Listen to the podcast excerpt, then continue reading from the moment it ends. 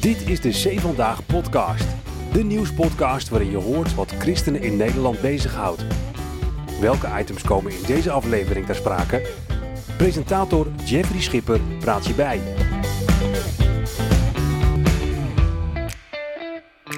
De C Vandaag podcast is aanbeland in Apeldoorn. En daar woont en werkt Peter van der Weert, voorganger, initiatiefnemer van Upstream.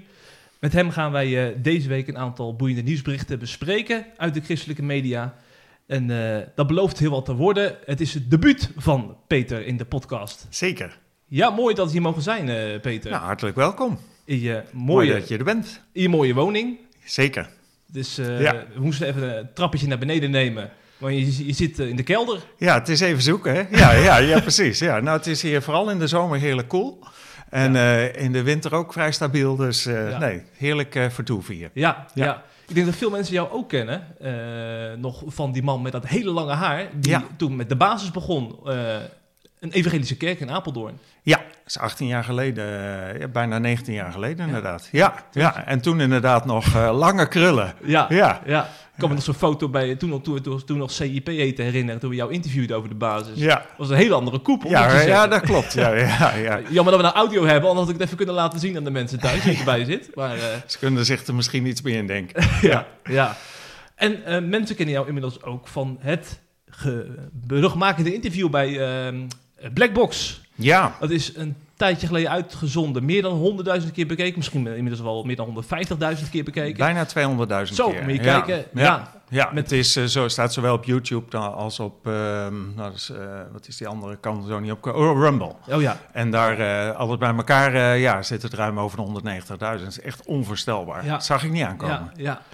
En voor de mensen die het toch willen terugbekijken, dat kan. En Ja. het is niet, gaat niet alleen over de eindtijd. Het is een heel breed gesprek met Flavio Pasquino. Ja, precies. Ook ja. zijn persoonlijke geloof, over... ja, het het ging eigenlijk maar deels over eindtijd. Hè? Ja, En, ja. en het kwam af en toe voorbij. Maar eh, ja, het evangelie heeft ook alle ruimte gekregen. Hij had veel vragen, veel persoonlijke vragen Nou, ook. En dat, viel- ja. Dat was mooi in het gesprek ook. Het was een heel ontspannen gesprek. We hebben ook geen voorbespreking gehad. Hij had zoiets van, laten we er gewoon ingaan en eh, we zien wel waar we uitkomen. En ja, ik vond het een prachtig gesprek en een enorme kans. Want Blackbox is natuurlijk een alternatief nieuwskanaal. En eh, ja, er zijn toch een hoop mensen die eh, in de wereld kijken en denken, wat gebeurt er allemaal? Hè? Dat noemen, die noemen zichzelf de wakkere mensen.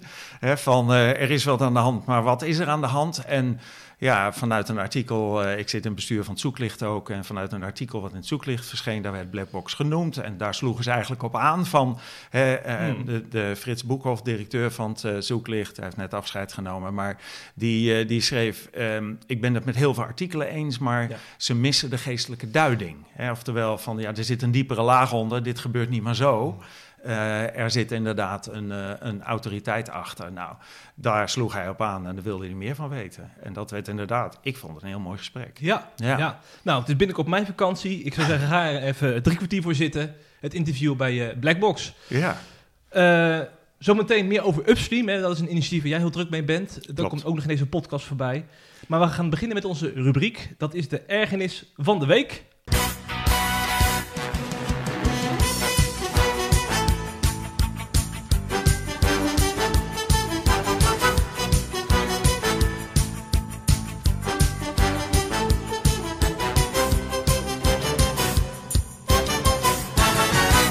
Heb begrepen dat jij een mooi item hebt gekozen. ja, ergernis vind ik een heel ding. Ik las net nog, eh, wees niet te snel geërgerd in uw geest, want ergernis rust in de boezem van de dwazen. Dus Kijk, we moeten dat is hem. met ergernis. eh, maar wel, ja, er was een poosje geleden, ik dacht, ik wil toch kijken eh, bij Zee Vandaag of ik daar iets Ja.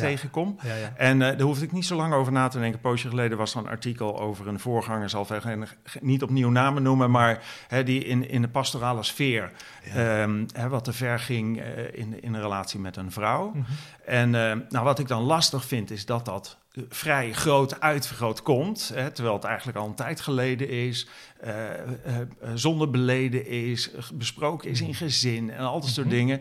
Dat dat dan toch nog in het nieuws komt en dan zeker ook alle reacties die daarop komen. Ja, dat vind ik echt zo ontzettend jammer. Dat vind ik dan... Nou, dan denk ik meteen een beetje ook aan het verhaal van, eh, van David en uh, Batseba. Ja. Hè? En, en het zat er niet in de buurt Hè, het was niet iemand die uh, nou eens even probeerde een andere vrouw in zijn bed te krijgen. Het, was, het, was, het was hooguit op, uh, ik geloof, op appniveau en dergelijke, waar dingen verkeerd gingen. Ik weet het verhaal niet helemaal.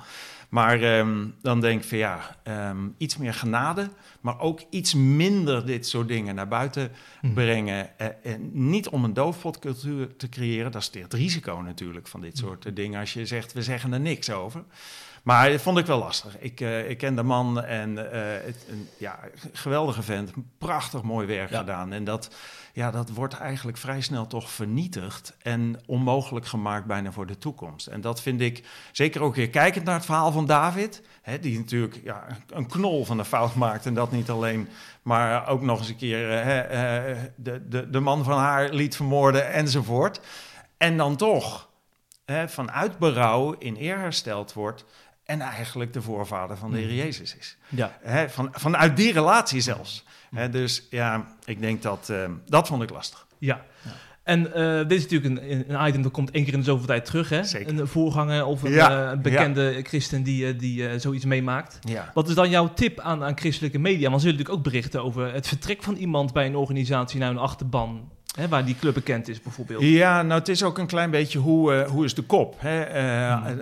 uh, je probeert natuurlijk als christelijke media ook echt wel een beet te hebben. Hè? Mensen, Je wil graag dat mensen het artikel lezen. Dan moet de kop ook wel een beetje nou, aantrekkelijk zijn. Maar dan, ja, dan krijgt het vaak ook een kop die zo negatief is over de persoon of over de situatie. Ik vind dat dan zo weinig...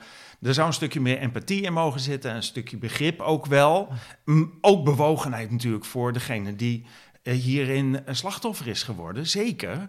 Maar ja, het, het wordt dan zo groot en zo negatief, zonder enige lijn daarin waarvan je zegt: ja, dit is, uh, er is ook berouw geweest in deze situatie, er is ook herstel.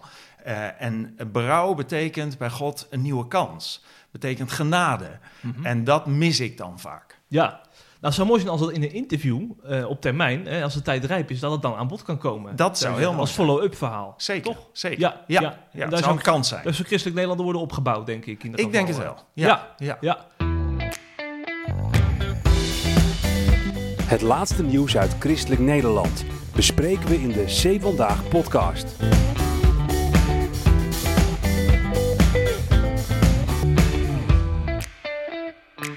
En dat geldt ook voor berichtgeving over de groei van de evangelische beweging. Want dat is, kan ook nog wel eens een polarisatieonderwerp zijn. Hè? In ons rijke christelijke ja. landschap met de veelkleurige christelijke uh, kerkelijke kaart die we kennen. Ja.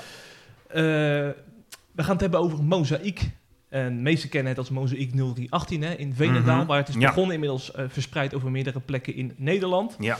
En uh, onlangs verscheen er een opmerkelijk bericht in het Nederlands Dagblad over uh, Mozaïek dat zou gaan starten in Hardenberg. Uh, tenminste, ja, dat was het plan. Maar twee geformeerde predikanten, GKV-predikanten, die hadden een, een, statement of een, een soort, ja, wat is het, een kattenkwaad uitgehaald, zou je bijna kunnen zeggen, hè, Peter? Ja. Uh, toen zij het domeinnaam van Mozaïek in Hardenberg, dus Mozaïek 0523, hadden gekaapt, waardoor Mozaïek zelf uh, er niet meer bij kon. En uh, dat hebben ze heel bewust gedaan, om zo ook duidelijk te maken van ja, hier zijn al veel kerken en we hebben een eis, ga met ons samenwerken en begin niet je eigen clubje hier in, in Hardenberg. Er werd verschillend op gereageerd. De ene kon er wel om lachen, de ander vond het een beetje kinderachtig. Ja. hoe las jij dat bericht eigenlijk, Peter? Ja, kijk, aan de ene kant denk je, ik begrijp het een beetje in de zin van, uh, het is moeilijk voor sommige kerken om te zien dat hun eigen kerken leeglopen naar nieuwe initiatieven die er zijn. Uh, ik denk niet dat dit de manier is om, uh, om een statement te maken. Hè. Ik denk dat je vooral ook heel erg moet kijken, voor zover dat mogelijk is, nou, op welke manier ben je zelf kerk? Hè? Waarom is dat dan zo, dat die beweging is vanuit uh, meer traditionele kerk naar wat modernere kerken? Um, en uh, ja, ik denk dat je als kerk vooral heel gefocust moet blijven op uh, verkondigen wij de waarheid.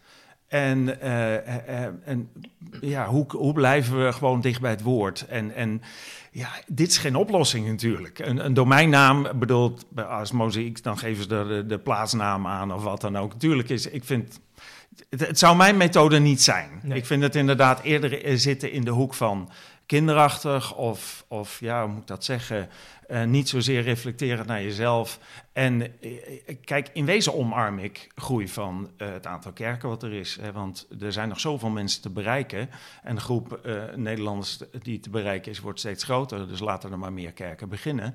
Maar wat ik wel belangrijk vind, is dat een kerk dan, die er komt, ook bijbelgetrouw is en een eerlijke boodschap verkondigt. En als ze dat op een modernere manier doen. Kijk, Moziek doet het heel goed. Uh, qua muziek doen ze het goed, qua uitstraling doen ze het goed, qua, qua, PR doen ze het goed. Dus op heel veel terreinen zijn ze gewoon heel goed bezig. En dat heeft een grote aantrekkelijkheid. Hè, ik snap wel dat dat voor een kerk daar lastig is. Ah, muziek is ook in Apeldoorn begonnen.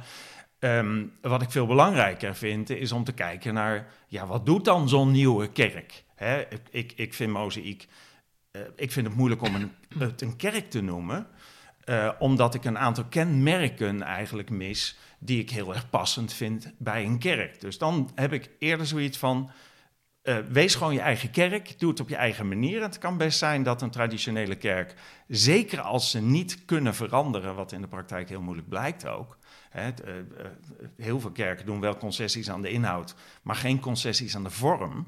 Terwijl je ja, ook kunt zeggen, ja, laten we concessies doen aan de vorm. Of gewoon zeggen, ja, wil de laatste het licht uitdoen. Hè, uh, deze, deze vorm, dit format heeft zijn tijd gehad. En, en laat nieuwe initiatieven starten. In die zin kan Mozaïek als een soort spiegel voor deze GKV-dominees fungeren ook misschien. Ja, kijk, het lastige is wat ik net al zei, ik vind uh, Mozaïek niet echt een kerk. Omdat Nee, nee, ik, een, nee. Omdat ik een, een heel fundamenteel onderdeel Ja. of onderdelen mis in de theologie en de manier waarop ze het doen. Eh, dat ik zeg, ehm, is dat nou een concurrent van andere kerken?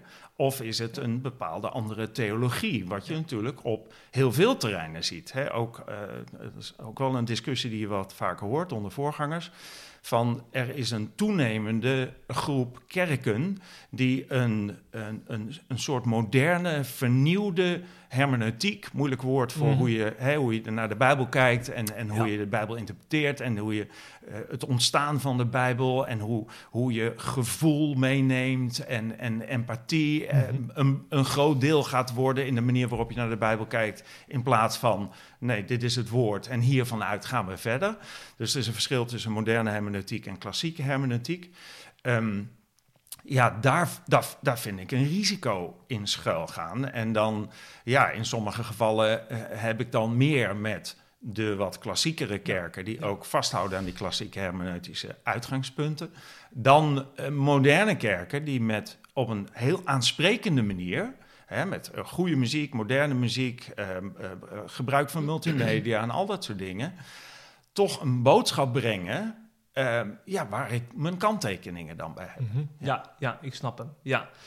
Eh, dus in die zin, we hebben het nu heel veel in deze soort discussies over concurrentie, ja of nee, of over Mhm. het vorm, de vorm. In die zin zou de discussie een laagje dieper moeten gaan van eh, hè, wat is kerk nou eigenlijk? Precies. En eh, eh, laten we het daar dan over hebben met z'n allen. Ja, dat, dat is denk ik. En, en daarin maken verschillende kerken verschillende keuzes. Ja. Dus ik, ik, ik zie dan de bedreiging niet zozeer Hmm. in het is modern of het is weer ouderwetse, maar de bedreiging is meer ehm, mensen die in een bepaalde kerk komen. En dat hoeft niet alleen muziek te zijn, er zijn er veel meer.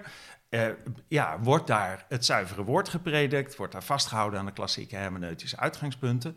Of bewegen we mee met de wereld of met de woke-beweging? Of we rennen we zo hard mogelijk naar de winkel om een regenboogvlag op te hangen? Of hè, om, om maar mee te gaan in de Ja. wereld? Ja. Ja, dat vind ik hele belangrijke uitgangspunten, veel belangrijker dan de vorm verder. Ja, ja, ja. En dan kan het inderdaad zijn dat je mensen ziet vertrekken naar andere kerkstromingen. Ehm, eh, wa- waar je eigenlijk niet jaloers op hoeft te zijn in die zin. Ik denk dat het dan heel belangrijk is om je eigen kerkbezoekers te onderwijzen juist Ja. hè, vanuit Gods woord. Hoe belangrijk het is om vast te houden aan de uitgangspunten van Gods woord. Ook als je gevoel wat anders zegt. Ja, en dan maar als we het dan even hebben over de vorm, hè? Eh, want er zijn heel veel traditionele kerken die eh, leden verliezen aan, aan, aan kerken als mozaïek. Ja. Eh, als het gaat over de vorm, hebben we daar wel, wel wat dan van te leren. Ja, ehm, eh, eh, want kijk, wat ik net al zei, het is denk ik heel belangrijk om op een, een of andere manier wel te blijven connecten met de belevingswereld waarin mensen de hele week leven. En als je qua stijl muziek, qua uitstraling, qua woordkeus, qua liturgie, op geen enkele manier eigenlijk nog een connectie hebt in het hier en nu, ja, dan, dan verlies je dan, en en uh, dat is niet aantrekkelijk voor nieuwe mensen die eventueel geïnteresseerd zijn in wat he, die geloven is meer tussen hemel en aarde, maar wat is het dan? Mhm. Uh, maar het is ook voor de, de jongeren in de kerk. ja, zo'n kloof die er ontstaat tussen de belevingswereld door de week en in de kerk. Dat ik zeg, doe geen concessies aan de inhoud, maar kijk wel, kun je met die vorm een stukje mee? Of doe het niet, dat is ook prima. Maar dan moet je inderdaad zeggen, wil de laatste het licht uit doen en we starten een nieuw format uh, wat beter aansluit. Of iemand anders start dat nieuwe format. Ja. ja. Als de basis in Apeldoorn jullie hier ook heel druk mee om hierover na te denken, neem ik aan. ja, we hebben... Aan het begin met name. Ja, aan het begin. En dat is juist het risico, want iedere kerk begint zo. Hè, heel veel kerken beginnen vanuit een missionaire drive. We willen de wereld bereiken met de evangelie. En in, in een format wat vaak vernieuwend is... Alleen, ja, we moeten heel erg oppassen dat we niet allemaal op een gegeven moment in diezelfde val trappen. Hè. De basis bestaat nu 18 jaar. Ehm, en eigenlijk is het een, een, een, jaarlijks item, als wij met het leidersteam ook weg uh, zijn, een weekend, uh, om erover na te denken, welke dingen doen we? Waarom zijn we het ooit gaan doen? Is het nog relevant? En als het niet relevant is, laten we het snel over de schutting worden, voordat het een traditie wordt. En een traditie is niks mis mee, als die nog een fundament heeft. Hm. en als het nog functioneel is. Maar als het traditie is, oh, want zo doen we het altijd, of zo zijn we ooit begonnen, ja, dan loop je weer hetzelfde risico om dezelfde valkuil te trappen. En op een gegeven moment, uh, na 25 jaar, ook alweer een verouderde club te worden. Ja, ja, ja, precies. Nog even terug op die discussie van uh, uh, meerdere kerken in één plek. Hè? Want daar gaat dit nieuwsbericht ook een beetje over. Is dat nog een ding geweest toen jullie in Apeldoorn hier uh, opstarten? Want in Apeldoorn heeft ook heel veel kerken, toch? In principe. Toen wij startten in Apeldoorn waren er 50 kerken. 50? 50. Zo is meer dan ik dacht, joh. Ja, ja niet denominaties, maar gebouwen. Ja, ja, Dus sommige kerken hadden heel veel, hebben heel veel meer locaties. Apeldoorn is natuurlijk geen kleine plaats. Ehm, ja, dat is natuurlijk altijd lastig. Alleen uh, wij, kijk, waarom zou je überhaupt uh, kerk nummer 51 beginnen? Uh, dat, is niet, dat hoef je niet te doen. De, de, basis is niet begonnen als een nieuwe evangelische kerk. ik ben destijds met de basis gestart. Vanuit het feit dat ik, ik ben zelf op wat latere leeftijd tot geloof gekomen. Ik kwam veel met mensen in contact die niet gelovig waren. Maar waar ik wel heel snel merkte, hey, mensen hebben zoiets, ik geloof wel dat er meer is tussen hemel en aarde. Maar wat dan? En eigenlijk niet makkelijk op een plek terechtkwamen in een kerk waar hun vragen beantwoord werden. Of waar er überhaupt enige, aandacht was. Hè. Kerken, ondanks wat ik net zei, kerken vaak met een missionaire drive starten, verdwijnt dat gauw en wordt het toch ons kent ons. Dan worden we toch naar binnen gericht en minder naar buiten gericht. En dan worden zoekers zelfs soms een beetje lastig. En ehm, nou, daar vond ik eigenlijk, je zou kunnen zeggen, gat in de markt heb gewoon gezegd, laten wij en laten we dat op zondagochtend doen. Want dan zijn ook zoekers hè, uh, mogelijk nog uh, in hun, uh, hebben een gaatje in hun agenda. en laten we kijken of we bijeenkomsten, eigenlijk zijn het evangelisatiebijeenkomsten, bijeenkomsten kunnen organiseren die gericht zijn op deze doelgroep. Hm. Ja, ja. En dan gaan jullie mee door tot de dag van vandaag. Dus dat is, uh, ja, ja, we hebben het format en de naam iets veranderd. Het is ja. uh, Upstream gaan heten. Uh, omdat het steeds minder alleen maar een lokale activiteit is van Apeldoorn en omstreken. En steeds meer een landelijke activiteit is. Omdat ja, steeds meer mensen uit het land een beroep deden eigenlijk op ons. En zeggen, ja, kunnen wij ook op deze manier uh, kerk zijn? Of kunnen we ook op deze manier zeg maar, het evangelie verkondigen? Want um, ja, eh, hier durf ik mijn buitenkerkelijke buren, vrienden en collega's wel mee naartoe te nemen. Maar naar mijn eigen kerk niet. -hmm. Ja. Heb je eigenlijk nog een, uh, een, een, soort handreiking hè, voor, voor collega-voorgangers die in een plek wonen... die op den duur ook met een mozaïekkerk te maken krijgen en dat lastig vinden? Want die vinden dat moeilijk hè, om daarmee om te gaan. Zo'n nieuwe kerk in een eigen ja. woonplaats. Ja. Wat moeten ze doen? uh, gewoon zelf kerk zijn. ja, ja. Eh, kijk, nogmaals, je kunt, er, je, je kunt er iets van leren. als het gaat om de vorm.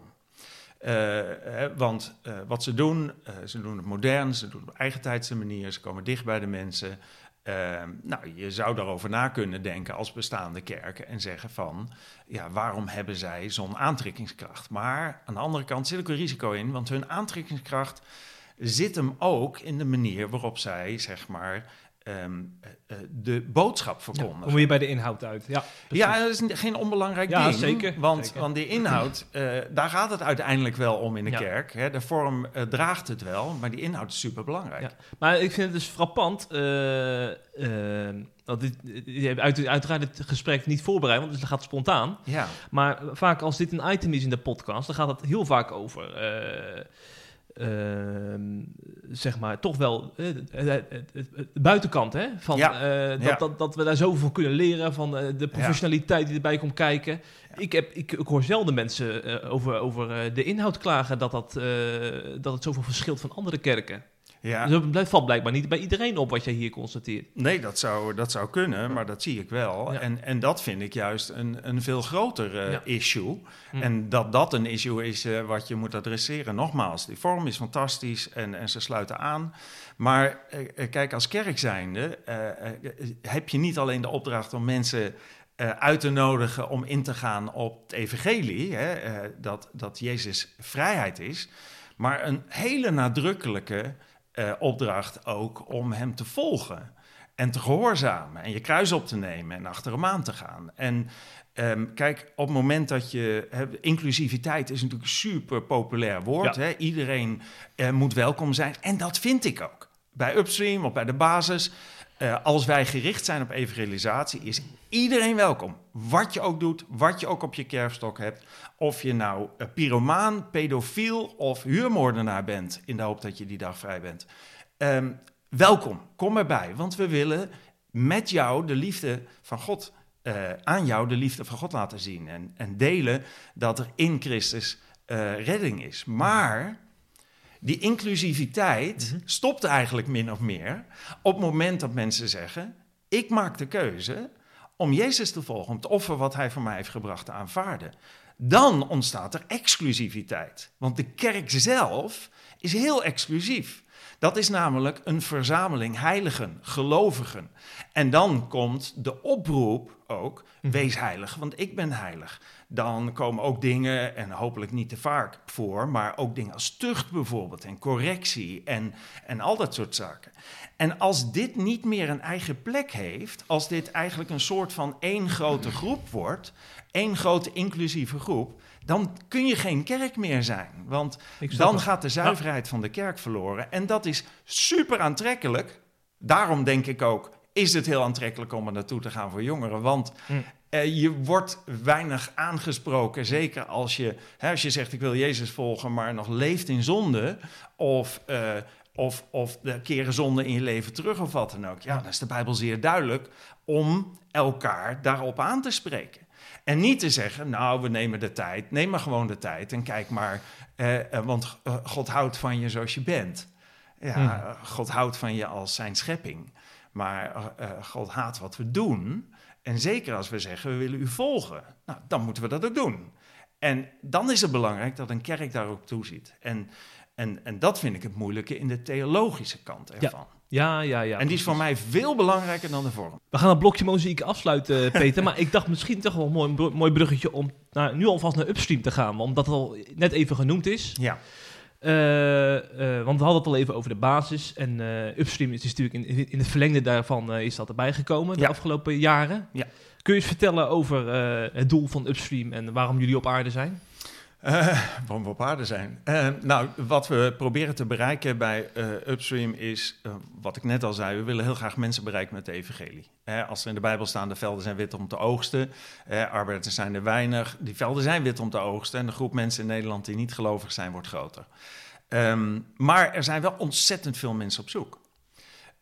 de meeste mensen zijn ongeneeslijk religieus. Eh, zoals iemand eens een keer heeft gezegd. Ja. En eh, heel veel mensen geloven dat er meer is tussen hemel en aarde. En zeker in een tijd waar we nu eh, leven, waar dingen gebeuren waarvan we zeggen: wat gebeurt er toch in de wereld? Hè, dat was ook eigenlijk de aanleiding om bij Blackbox heel blij te zijn met het Blackbox-interview. Want dat zijn mensen die daarnaar kijken, die heel veel vragen hebben. Eh, ja, hebben we gezocht eigenlijk, hoe kunnen we antwoord geven? Dus hoe kunnen we die apologetische thema's, hè, die geloofsverdediging en die vraag die mensen als God liefde is, waarom is er zoveel ellende op de wereld en is, komen er niet heel veel oorlogen voort uit geloof en hele terechte vragen die mensen hebben.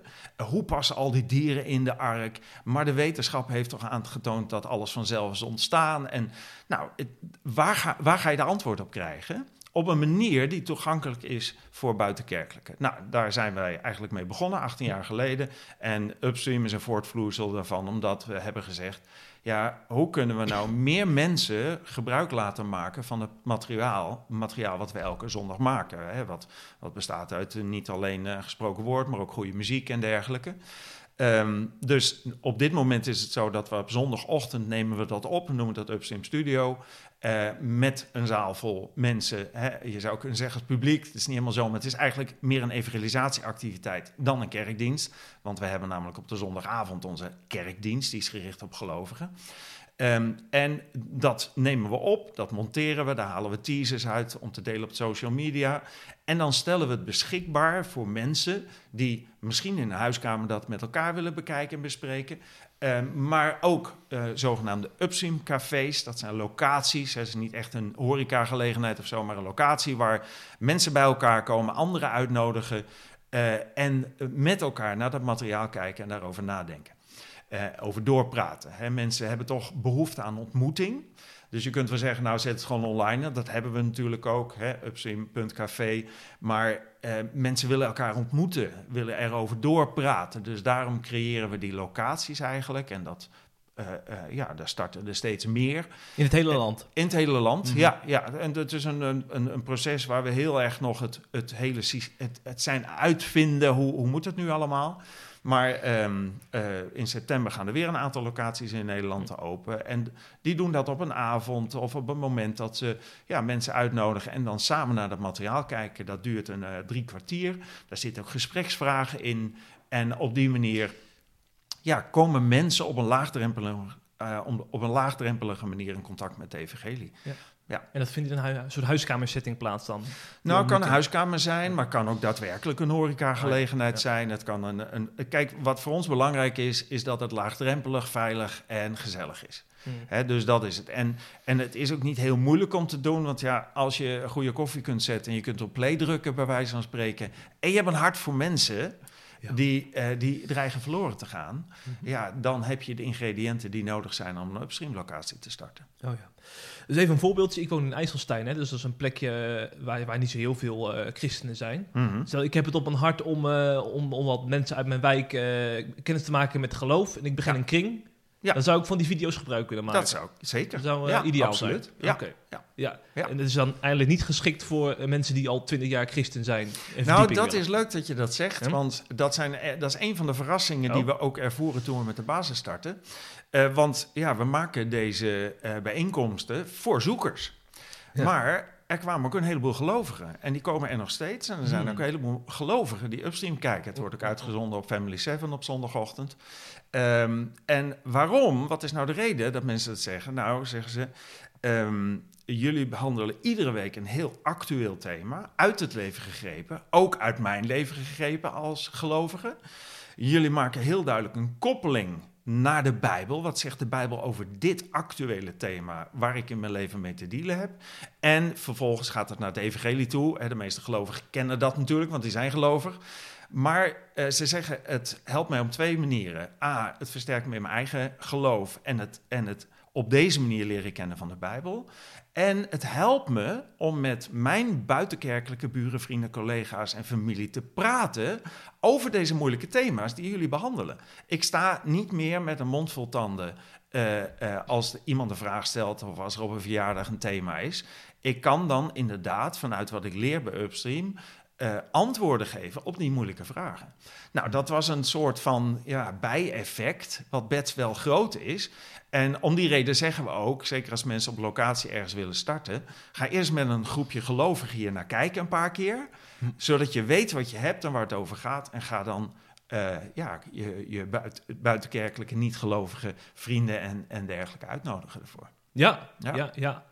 En eh, ik ben ook benieuwd eh, of jij ook misschien al getuigenissen kan delen van iemand die via Upstream meer van God of Jezus heeft ontdekt. Ja, Zijn die verhalen er? Ja, tientallen. Ja, en die zo? komen, ja, we hebben toevallig gisteren hadden we een, vergadering voor Upstream en gezegd van we gaan nu ook echt op de website die getuigenissen neerzetten. Want ja, mensen maken op een gegeven moment natuurlijk ook de keuze zeggen, nou ja, maar ik ben nu tot geloof gekomen, ik wil me ook laten dopen. Nou, dat, kan natuurlijk, die gelegenheid bieden we ook. Dat doen we niet vanuit Upstream, maar wel vanuit de kerk uiteraard, vanuit de basis. En ja, op dit moment is het zo dat, eh, dat we hebben, eh, we we spreiden dat, want iedereen die zeg maar zich wil laten dopen, neemt een getuigenis op. Hè, dat doen we op video.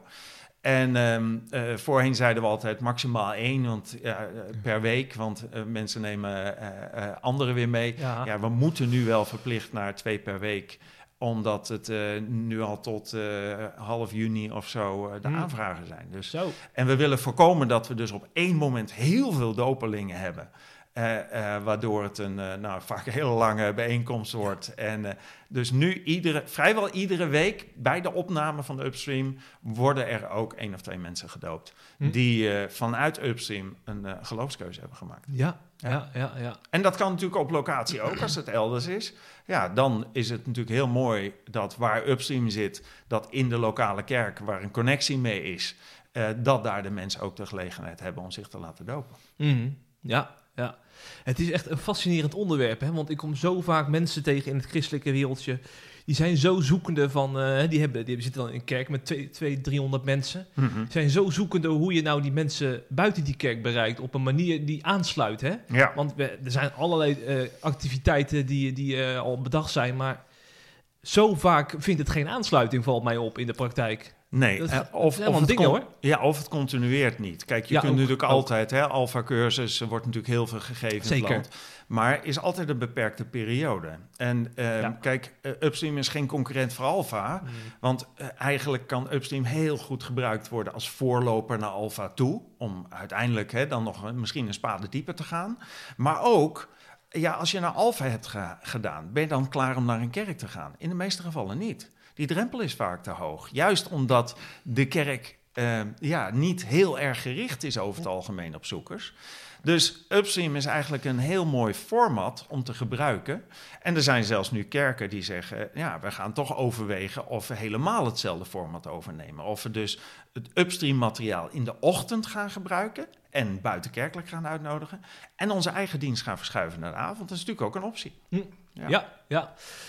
Mooi om zo eens eh, ook te horen wat jou allemaal bezighoudt, eh Peter. Want dit is natuurlijk jouw debuut in deze podcast. Dus vandaar dat we ook Ja. zo, eh, ja, zo, een soort kennismakingsblokje eigenlijk hebben, zeker. hebben ingelast. Tussen het nieuws door. Want ondertussen gaat het, de nieuwsmolen natuurlijk, die, die draait gewoon verder. Ja. En dan komen we bijvoorbeeld in Den Haag uit, waar een kabinetsbesluit is geweest over die relevant is voor kinderen die ernstig ziek zijn en uitzichtloos lijden eh, met zich meedragen. Ja. En het kabinet heeft dus besloten dat er een regeling komt voor hen, eh, waardoor eh, levensbeëindiging mogelijk wordt. We hebben het Mhm. over kinderen van eh 1 tot 12 jaar. ja. Daar was nog niks voor, voor dit besluit werd genomen. En eh, het kabinet gaf ook een toelichting daarbij. Ik zal, even citeren. Het zal gaan om kinderen bij wie sprake is van een dermate ernstige ziekte of aandoening dat de dood onafwendbaar is en het overlijden van deze kinderen binnen afzienbare tijd wordt verwacht. Voor hen eh, willen ze dus eh, Mhm. di- dit mogelijk maken. En de christelijke partijen zijn kritisch. hè. SGP vindt het principieel een brug te ver. ChristenUnie is iets milder, maar zijn ook kritisch. Die wijzen toch vooral ook naar passende zorg, dat, die, dat er Mhm. mogelijkheden voor Mhm. moeten zijn. Ik was even benieuwd, hoe, hoe kijk jij naar dit eh, bericht? Eh, je bent trouwens opa, denk ik. Zeker, al, Ja. al negen keer in de tiende onderweg. Ja, ja. Ja. dus eh, kinderen is voor jou, wat jou betreft, kleinkinderen in deze leeftijd is voor jou, ook, wat jou betreft ook relevant. Zeker, ja. Ja. ja. Ja, het is een buitengewoon ingewikkeld thema natuurlijk. Hè. Het, Ja. ehm, ehm, het heeft zoveel aspecten. Hè. Je noemt al eh, in het citaat eh, kinderen die eigenlijk geen enkel zicht meer hebben op, eh, hè, op geen levensverwachting Hmm. hebben, ernstig lijden. Ehm, ja, dat maakt het al heel ingewikkeld. Op afstand kun je er heel makkelijk over praten. Je kunt er een paar bijbelteksten bij noemen. Maar kijk, als, als grond, dat zei ik net al, dat is een beetje het verschil tussen de klassieke en de moderne hermeneutiek ook.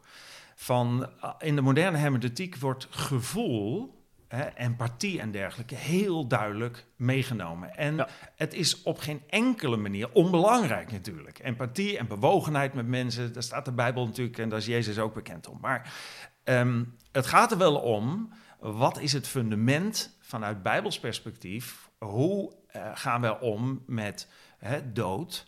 Ehm, hoe gaan we om met lijden? Eh, als je ermee geconfronteerd wordt, is het super ingewikkeld. Aan de andere kant moet je heel voorzichtig zijn.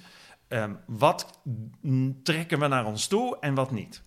En je moet er ook nog bij in ogenschouw nemen dat mensen die niet gelovig zijn, Ja. vanuit Bijbels perspectief, natuurlijk ook de vrije wil hebben, geloof ik, en de ruimte hebben. Niet dat het geen consequenties hoeft te hebben op lange termijn, maar wel om daarin keuzes te maken. En gezien het feit dat het grootste gedeelte van Nederland eh, niet gelovig is, is dit natuurlijk geen verrassing. Is het logisch? Want ja, dan kom je meer op de terrein van humanisme en dergelijke. Die hebben natuurlijk hele andere uitgangspunten, hele andere kaders waarvanuit ze denken en handelen.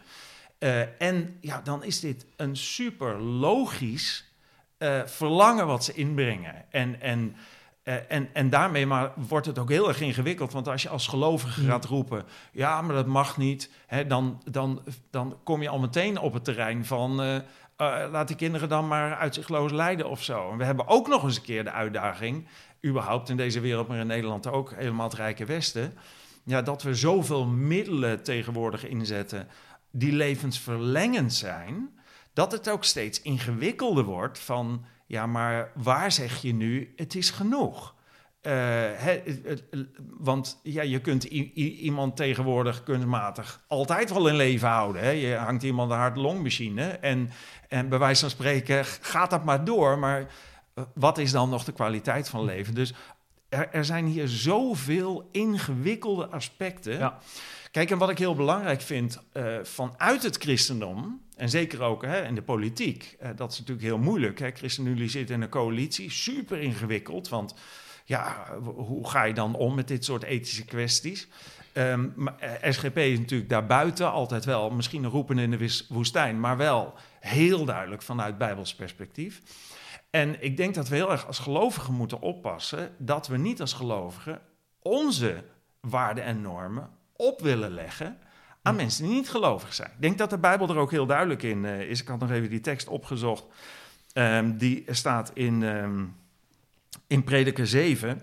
Eh, nee, sorry. In, ehm, even kijken. In Spreuken. eh, even kijken waar ik hem had staan. Ehm, ja, in Spreuken 9, vers 7. Wie een spotter bestraft, en een spotter, ja, dat, dat bedoelt de Bijbel eigenlijk mee, een goddeloze, een heiden. Wie een spotter eh, bestraft, laat schande op zich. En wie een goddeloze terechtwijst, draagt zijn schandvlek. Oftewel, we moeten heel voorzichtig zijn om onze waarden en normen op te leggen aan de wereld en ons daarin ook belachelijk te maken. Het bekende vingertje, de morele, het morele verwijt vanuit de gelovige naar een niet-gelovige, is denk ik niet de weg om eh, in contact te zijn met mensen die niet gelovig zijn. Je kunt veel beter iets van de liefde van God laten zien of eh, met hen in discussie gaan. Is dit inderdaad de beste oplossing? Eh, veel beter dan zeggen, dit mag niet. Of dit mag van God niet. Of wat dan ook. Dat is moeilijk aan christelijke politiek dan sowieso, hè? het is heel ingewikkeld. En, en ik, ik vind over het algemeen dat de SGP dat in de Kamer heel goed doet. Hè, ehm, eh, zich niet heel snel laat verleiden om daar met de vuist op tafel te slaan. Maar wel steeds die andere kant laat zien. Ook heel duidelijk. Zeg, ja, God heeft het anders bedoeld. Eh, maar ook alle ruimte biedt. Hè, eh, die, eh, die ze ook moeten bieden. Dus je hebt ook wel weinig keus. Want als ze de meerderheid hadden, dan kwam het er niet door. Maar dat hebben ze niet. Ehm, de ruimte biedt om eh, andere keuzes te maken. Mhm. Ja, ja. Maar als ik jou dus goed beluister, dan is het te makkelijk om te zeggen van levensbeëindiging. Dat de, de Bijbel zegt er niet letterlijk over van dit en dit is, is een gebod. Hè. Gij zult geen euthanasie plegen, ik noem maar wat. Dan Mhm. zeggen mensen vaak van, nou, dan moeten we het zelf interpreteren. Is dat, te ja, nou, ja, kijk, ik denk dat eh, de Bijbel vrij duidelijk is over het feit dat eh, eh, het leven door God wordt gegeven. ja. En het is wel zo dat we het leven zelf kunnen nemen. Hè. Er staan ook bijbelteksten in. Sommige mensen zeggen, je gaat niet voor je tijd. Nou, dat is niet helemaal zo dat de Bijbel dat zegt. Mm. Ik kwam nog een tekst tegen. Hè, in Prediker 7 staat, wees niet al te goddeloos en wees niet al te dwaas. Waarom zou u sterven voor uw tijd? Hè, oftewel, wij kunnen wel degelijk dingen doen in ons leven waardoor we voor onze tijd, de tijd die we zouden hebben als we dat niet hadden gedaan, eh, niet opmaken. Hè? Dat kan door ongezonde dingen te doen, dat kan door jezelf het leven te benemen. Kun je niet zeggen, ja, dat was je tijd, want nee. Mm, Aan de andere kant, eh, wij hebben steeds meer moeite met lijden. Hè, het was de vrouw van Job al die zei van joh, vervloek God en, eh, en sterf. Hè, bij wijze van spreken, eh, het, trekt de stekker eruit. Nou, eh, gelukkig heeft hij het niet gedaan. Want er kwam nog heel wat anders aan, maar dat hoeft niet eens het perspectief te zijn. Wij geloven natuurlijk ook in het perspectief wat over de grens van de dood gaat. Hè? En, en ik vind het heel belangrijk daarom ook het evangelie te verkondigen, omdat ja, als, de, als waar is wat er in de Bijbel staat, en dat geloof ik, dan is uitzichtloos lijden niet hetgene wat aan deze kant van de grens een optie is, maar aan de andere kant. En, en lijden is vreselijk ingewikkeld en moeilijk. Niemand wil lijden. Pijn is moeilijk. En toch is het een onlosmakelijk onderdeel in deze wereld. Dus wat ik zeg, het heeft zoveel facetten. Het is, het is ingewikkeld, maar ik kan niet zeggen... bijbels gezien heb je de ruimte om dat te doen. Ja, nee, snap ik. Ja, vandaar dat de Christine ook bijvoorbeeld een nadruk legt op, eh, op zorg tijdens het lijden. Hè? Eh, dat, dat, dat de politiek ook daar vooral naar moet kijken. Niet alleen maar naar het mogelijk maken van een einde maken daaraan. Precies. En het Ja. niet, niet eindeloos verlengen. En pijnbestrijding is natuurlijk fantastisch dat we dat, dat, we dat hebben. Eh, dus in dat opzicht denk ik zorg, liefde, pijnbestrijding, alles wat nodig is. En, en aan de andere kant, ja, poeh, als je zoiets uitspreekt, denk je ook... Ja. Ja, het gaat ook over mensen, het gaat over kinderen, het gaat Nou. over ouders die door een verschrikkelijk... li- Het is zo erg om je kind te moeten zien lijden dat ik, dat ik me heel goed ook weer kan voorstellen dat zeggen: Oh, mag je alsjeblieft een einde aankomen? Hm. Dus heel ingewikkeld onderwerp. Ja, Maar ja. geen reden om direct te zeggen: eh, Nou, laten we maar gewoon doen wat wij willen met het leven. Zeker. Ja. Zijn jouw eh, kleinkinderen gezond trouwens, eh, Peter? Ja. Ja? En je ziet ze regelmatig ronddartelen hier, eh, begreep ik net. ja, ja, ja, ja. Maar vaak is het zondag wel dat hier een mannetje of twintig in huis zijn van kinderen en kleinkinderen. Ja, dat is super gezellig. Ja, ja, Ja. ja. Ja. En jouw kinderen ook helemaal gezond? Ja, Ja, want dat is echt een zegen, hè? Want als Dat, ik, ja, dat echt- is een zegen en dat is ook niet iets waar je recht op hebt en je verdient het niet. Het is genade en het is ook geen garantie dat het niet gebeurt. Want ja, ehm, wat ik zeg, ik heb negen kleinkinderen, tiende op komst. Eh, de kinderen, eh, ja, ja, de- de- ziekte en dood is onderdeel van deze gebroken wereld. Ja. Dus eh, ja, het kan ook maar zo om de hoek komen. En je hoopt het niet en je wil het niet en je bidt ervoor. Maar ehm, ja, je moet het leven wat dat betreft nemen zoals het komt. Ja. Het, het wordt hier geen paradijs. Nee, nee, dat is een realiteit inderdaad. Daar kunnen we niet omheen, hè? Nee. En eh, dat, ja, we hebben al verschillende keren naar die Bijbel verwezen. Die gaat ook aan bod komen in eh, onze laatste rubriek, de uitsmijter van de week.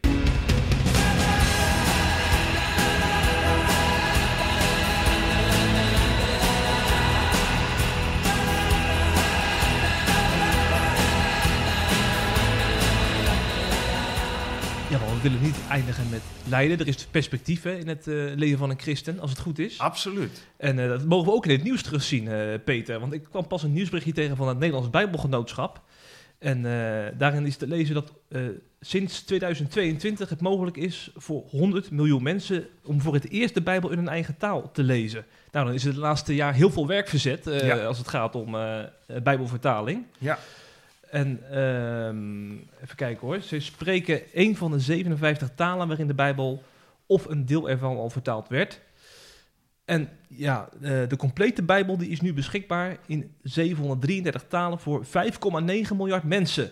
Nou, dat is een heel aantal. Ja, Eh, dat nog 2 miljard te gaan. ja, dat, Ja. dat dacht ik ook. Nou, dat, dat betekent dat er nogal werk aan de winkel is. Ja. Want dat is dan nog niet de hele wereldbevolking. Maar dit, dit zijn al mooie aantallen, toch? Ja, het is natuurlijk fantastisch. Hè? Er wordt fantastisch werk in gedaan. En er is natuurlijk eh, eh, heel mooi wanneer je de Bijbel in je eigen taal kunt lezen. En eh, ja, het is natuurlijk nog een, steeds een monsterklus, want Mm. heel veel talen moeten nog geleerd worden. En, en ja, de grote talen zitten hier natuurlijk al in. En je komt nu met, hè, met de talen die veel minder gesproken worden. Ja. Dus, maar het is prachtig werk wat erin gedaan wordt. Hè. Ja. Wycliffe doet daar natuurlijk veel in, Zeker. maar ook andere organisaties. Ja, ja, ja, inderdaad. Ook nog, nog een leuk feitje. Eh, in 38 talen kwam, kwam voor het eerst, kwamen voor het eerst gedeelten van de Bijbel beschikbaar. Onder andere in de Egyptische omgangstaal. Nou, als je dan over een taal hebt die niet eh, wereldwijd gesproken wordt, dan is dit er ook wel eentje natuurlijk. Ja, zeker. Ja, ja, zo. En ehm moest ik ook nog wel even aan denken. Jij bent natuurlijk, dus moet ik het goed zeggen, bestuursvoorzitter van het Zoeklicht? Ja, ja ik zit Ja. in het bestuur van het zoeklicht. Ja, Ja. klopt. Ja. Ja, precies. Geen, voor, geen voorzitter, maar wel in het bestuur. In het bestuur, oké, ja. Eh, waar, waar in het bladzoeklicht veel over de eindtijd wordt geschreven. Ja. En dan moest ik ook even aan denken, van volgens mij is ook een van de tekenen dat eh, de hele, de, alle volken bekend zullen zijn met het evangelie. Aan- Ja, dat is niet, tijden, eh, of niet? Ja, ja, dus niet iedereen het helemaal over eens van of dat nou betekent dat iedereen zijn Bijbel in zijn eigen taal heeft, of op welke manier die bekendheid Hmm. komt. En er zijn natuurlijk heel veel mensen al, zeg maar, overleden die een, nooit een Bijbel hebben gelezen. Maar, maar goed, de interpretatie is verschillend daarover. Of nou echt die laatste 2 miljard ook allemaal eerst hun eigen Bijbel moeten hebben voordat het einde der tijden is. Ik geloof dat het niet zo zit. Ehm, maar ja, we zijn veel, veel inderdaad eh, bezig met het duiden van de tekenen van de tijd. En ja, we leven in een tijd waar zoveel in beweging is en waar zo de Bijbelse profetieën. eh, ik noemde bij eh, Blackbox destijds ook eh, Openbaring eh, 13. eh, waar, hè, waar dan staat over het niet kunnen kopen en verkopen. Nou, dat is natuurlijk zoveel decennia, eeuwenlang een, een mysterie geweest. Hoe in vredesnaam zou het mogelijk zijn om, om, om de mensheid eh, te kunnen eh, beknotten in kopen en verkopen? Nou, nu met de opkomst van de digitale munt, wat een wereldwijde opzet krijgt, steeds meer, waar eh, geld programmeerbaar wordt. Nou, we weten nu al, als er een bankstoring is, dan loop je echt zonder je boodschappen de winkel uit. En dat geldt natuurlijk ook als er ergens een keer een vinkje niet goed staat. Of als jij je sociale punten niet haalt. En, en dat is iets, daar gaan christenen in de toekomst last van krijgen. Niet alleen christenen. Ehm, maar het, het bijzondere is, ehm, ja, dit is, dit is wat de Bijbel beschrijft dat ging gebeuren. En het, we hoeven ons er niet over te verbazen. Eh, we hoeven er ook niet bang voor te worden, want het is niet zo dat God naar deze wereld kijkt en zegt: Zo, die zag ik niet aankomen. Dat is juist het bijzondere van de profetie. Het is een keurmerk van echtheid van de Bijbel ook en van het bestaan van God, dat al zo lang geleden exact deze dingen voorzegd zijn. En ja, eh, Jezus zei, eh, de tijd van weeën voorafgaande aan zijn wederkomst. Ja, weeën, eh, nou, ik heb vijf kinderen niet zelf gebaard, maar wel gebaard zien worden. En weeën hebben de eigenschap om sneller elkaar op te volgen en heftiger te worden. Nou, dat zullen we in deze tijd ook meemaken. Ik geloof niet dat we zelf de grote verdrukking meemaken, maar de weeën zullen al erg genoeg zijn. En ja, het is iets waar we ons. Ik, ik zie ook heel veel gelovigen soms enorm verzetten tegen wat er allemaal gebeurt. En ik heb iets minder die neiging. eh, Oh ja. Omdat ik denk van ja, maar dit is niet. Dit is Satans werk binnen Gods kaders. Net zoals bij Job. Hè, dat was ook Satans werk binnen Gods kaders. En dit is wat bij de eindtijd hoort. Deze dingen moeten gebeuren, gaan gebeuren. En dit gebeurt onder regie van God. En laten we vooral, en daar probeer ik me juist heel erg voor in te zetten, in deze tijd praten over Gods liefde en over het evangelie verkondigen. Hm. Want dat is het enige eh, wat reddend is. O- of nou dit, dit soort re- regels over euthanasie er wel of niet doorkomen, dat komt er toch wel door. Dat gaat toch wel gebeuren. Daar is geen verzet meer tegen mogelijk. En natuurlijk kun je kritisch zijn en je kunt het geluid van de Bijbel laten horen, maar ik laat liever het geluid van het evangelie horen dan een proteststem om de mensheid te wijzen op de Ja. morele kaders vanuit de Bijbel. Ja, ik heb opeens een spontaan idee, Peter. Nou zeg. Ik stel voor dat we na de zomer een themapodcast maken. met een collega-theoloog of een Mhm. voorganger. En dan mag jij twee eindtijdtekenen selecteren en die andere twee eindtijdtekenen. Dan gaan we een rondje eindtijd doen. Nou, lijkt me heel goed. Zullen we dat doen? ja. Want dit smaakt naar meer, dit einde, wat mij betreft. Nou, helemaal goed. Ik Super. ben beschikbaar. nou, goed om te horen. Eh, bedankt voor je bijdrage in deze podcast, eh, Peter. Graag gedaan. We hebben wel meer mogen horen over eh, je werk met, voor Upstream. Jouw visie op diverse christelijke nieuwsitems. En ook op het einde de tijden nog even aan het eind van de podcast. Toepasselijk. Ja. En wie weet, een volgende podcast weer eens aanschuiven bij C Vandaag. Je bent welkom in ieder geval. Dankjewel. En tegen de luisteraars zeggen we volgende week even geen podcast, wegen de meivakantie. Maar daarna zijn we weer terug met onze redacteur Patrick Simons of een eh, gast. En eh, tot de volgende keer. Geniet van de vakantie. Hopelijk heb je genoten van deze C Vandaag podcast. Volgende week is er weer een nieuwe aflevering. En blijf via cvandaag.nl op de hoogte van het laatste nieuws uit Christelijk Nederland.